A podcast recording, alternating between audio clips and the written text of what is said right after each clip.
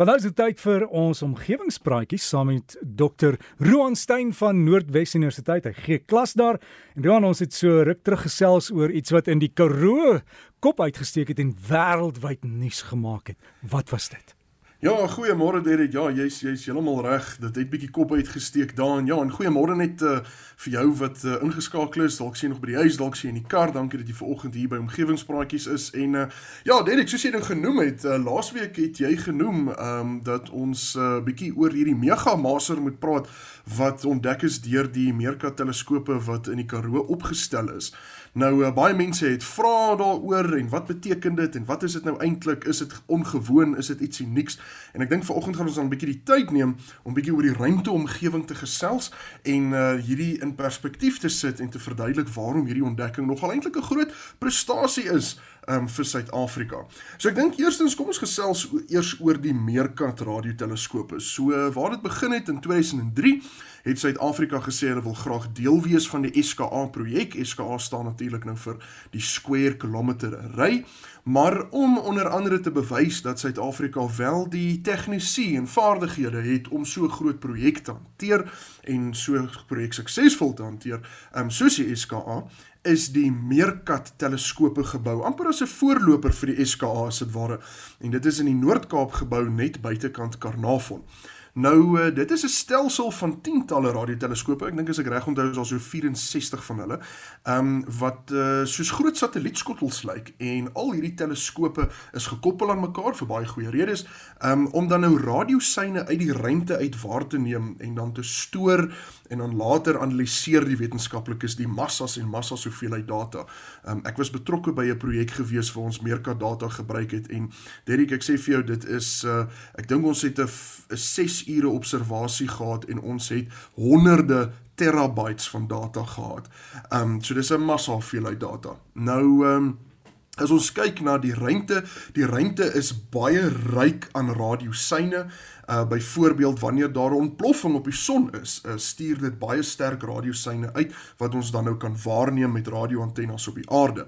Nou ons is baie gelukkig uh, dat die fisika so uitwerk dat die aarde se atmosfeer nie radiosyne absorbeer nie of ten minste nie al die radiosyne absorbeer nie.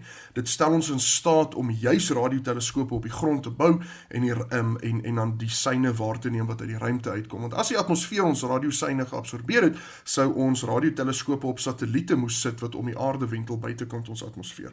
Maar nietemin, die aarde ontvang baie radiosyne van reg oor die heelal af. Die produksie van radiosyne gebeur vir verskeie redes en deur hierdie radiosyne te bestudeer, kan ons baie gevolgtrekkings maak van waar uh, ons in die heelal is en ons plek in die heelal. So byvoorbeeld Um, ons kan baie sê wanneer radiosyne byvoorbeeld uh, wegbeweeg van ons af of wanneer radiosyne nader aan ons beweeg as hulle dalk miskien sporadies is uh, want dan kan mens aflei dat die bron van daardie radiosyne draai miskien in die ronde en ons kry hierdie radiosyne amper soos die lig uh, van 'n vuurtoring by die kus.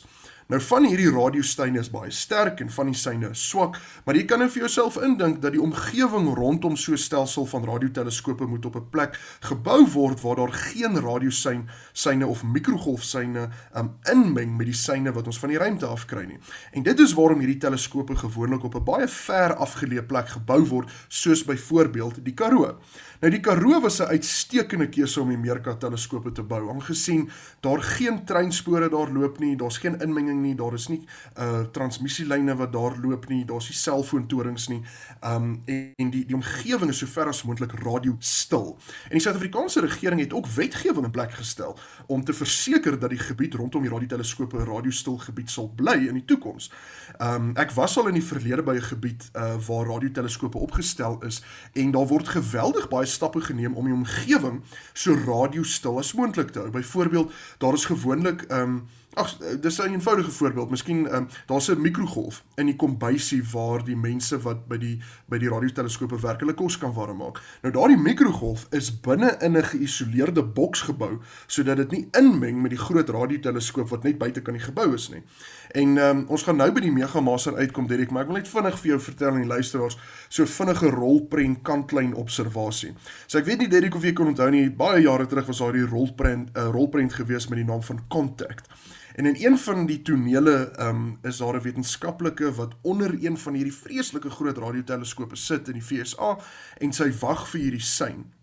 En dan is daar hierdie dramatiese oomblik wanneer sy 'n sein van die ruimte af kry. Toevallig dadelik weet sy dit is die sein waarna sy soek en dan spring sy op en sy spring op haar twee rigting radio um, om die mense in die kontrolekamer te laat weet hulle moet nou die uh, radioteleskoop skuif. Maar elke wetenskaplike wat al met 'n radioteleskoop gewerk het, gril amper vir hierdie toneel want in werklikheid um, sal jy nooit in jou lewe 'n twee rigting radio so naby aan 'n radioteleskoop gebruik nie want jy sal daai data sieks love opvoeter. Maar nietemin, kom ons kom terug by die ontdekking van die meerkat.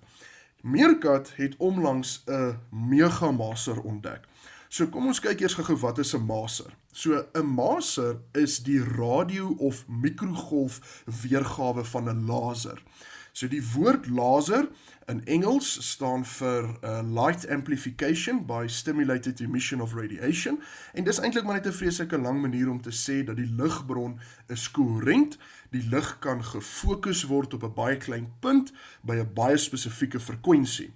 Nou die M in maser staan vir mikrogolf. So 'n maser is die mikrogolf of radiogolf weergawe van 'n laser. Um en en dit is hoekom ons dan nou uh uh radioteleskope kan gebruik om hierdie uh, syne op te tel. Die woord mega word gebruik om aan te dui dat hierdie maser uh wat ontdek is of waargeneem is is duisende mal groter as die maser wat ons in ons eie sterrestelsel sal sien, die die Melkweg. Nou hierdie spesifieke megamaser wat nou waargeneem is deur die Meerkat teleskope is wat ons noem 'n hidroksielmaser wat gevorm is as gevolg van twee sterrestelsels of galaktika wat saamgesmelt het. Nou in hierdie samesmeltingsproses is daar hidroksielmolekules, molekules en 'n hidroksielmolekuul is 'n waterstof 'n waterstofatoom en 'n suurstofatoom. Um en wanneer een hidroksielmolekuule 'n foton absorbeer, een foton absorbeer, dan straal hy twee fotone uit van dieselfde golflengte.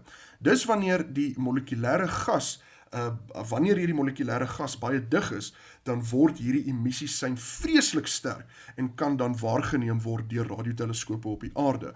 En dis kan ons sien dat hierdie megamaser wat nou waargeneem is, is die produk van twee sterrestelsels wat saamgesmelt het der miljarde ligjare ver.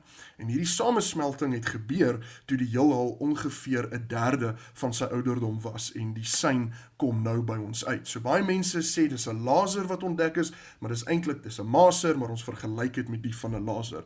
En ehm um, hierdie ontdekking is reg Suid of is 'n reg Suid-Afrikaanse ontdekking. Baie universiteite en konsortiums in Suid-Afrika het aan hierdie projek gewerk, byvoorbeeld uh, die Universiteit van die Wes-Kaap, die Universiteit van Kaapstad, Rhodes Universiteit, Sarel ensovoorts en almal was betrokke by hierdie ontdekking en dit is goed vir Suid-Afrika want dit wys dat alles in die pipeline werk. Ons moet verstaan dat die belegging om die meerkat um, op te stel Ehm um, dit was 'n enorme belegging geweest en dit is belangrik om te sien dat alles in die pipeline werk, die teleskope werk, die datahantering na die waarnemingswerk, die interpretasie van die data werk en hierdie alles wys dat wanneer die volledige SKA gebou word, staan Suid-Afrikaanse wetenskaplikes nie vir enigiemand terug nie.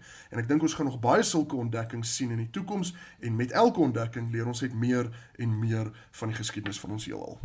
Oh, baie dankie Roan Stein uh, daar van Noordwes Universiteit en uh, ons wil eendag gaan foto's neem daar by daai plek maar hulle moet eers die kameras toets. Dis hoe streng hulle is. Hulle sal jou nie toelaat as alles nie getoets is en goedgekeur is nie. Maar die inligting waaroor Roan nou gesels het, kan jy by die Facebook bladsy omgewingspraatjies kry. Jy kan daar gaan aansluit en elke dag in die week ook kry klomp inligting. En dan kan ons na die sterre kyk. Dankie Roan.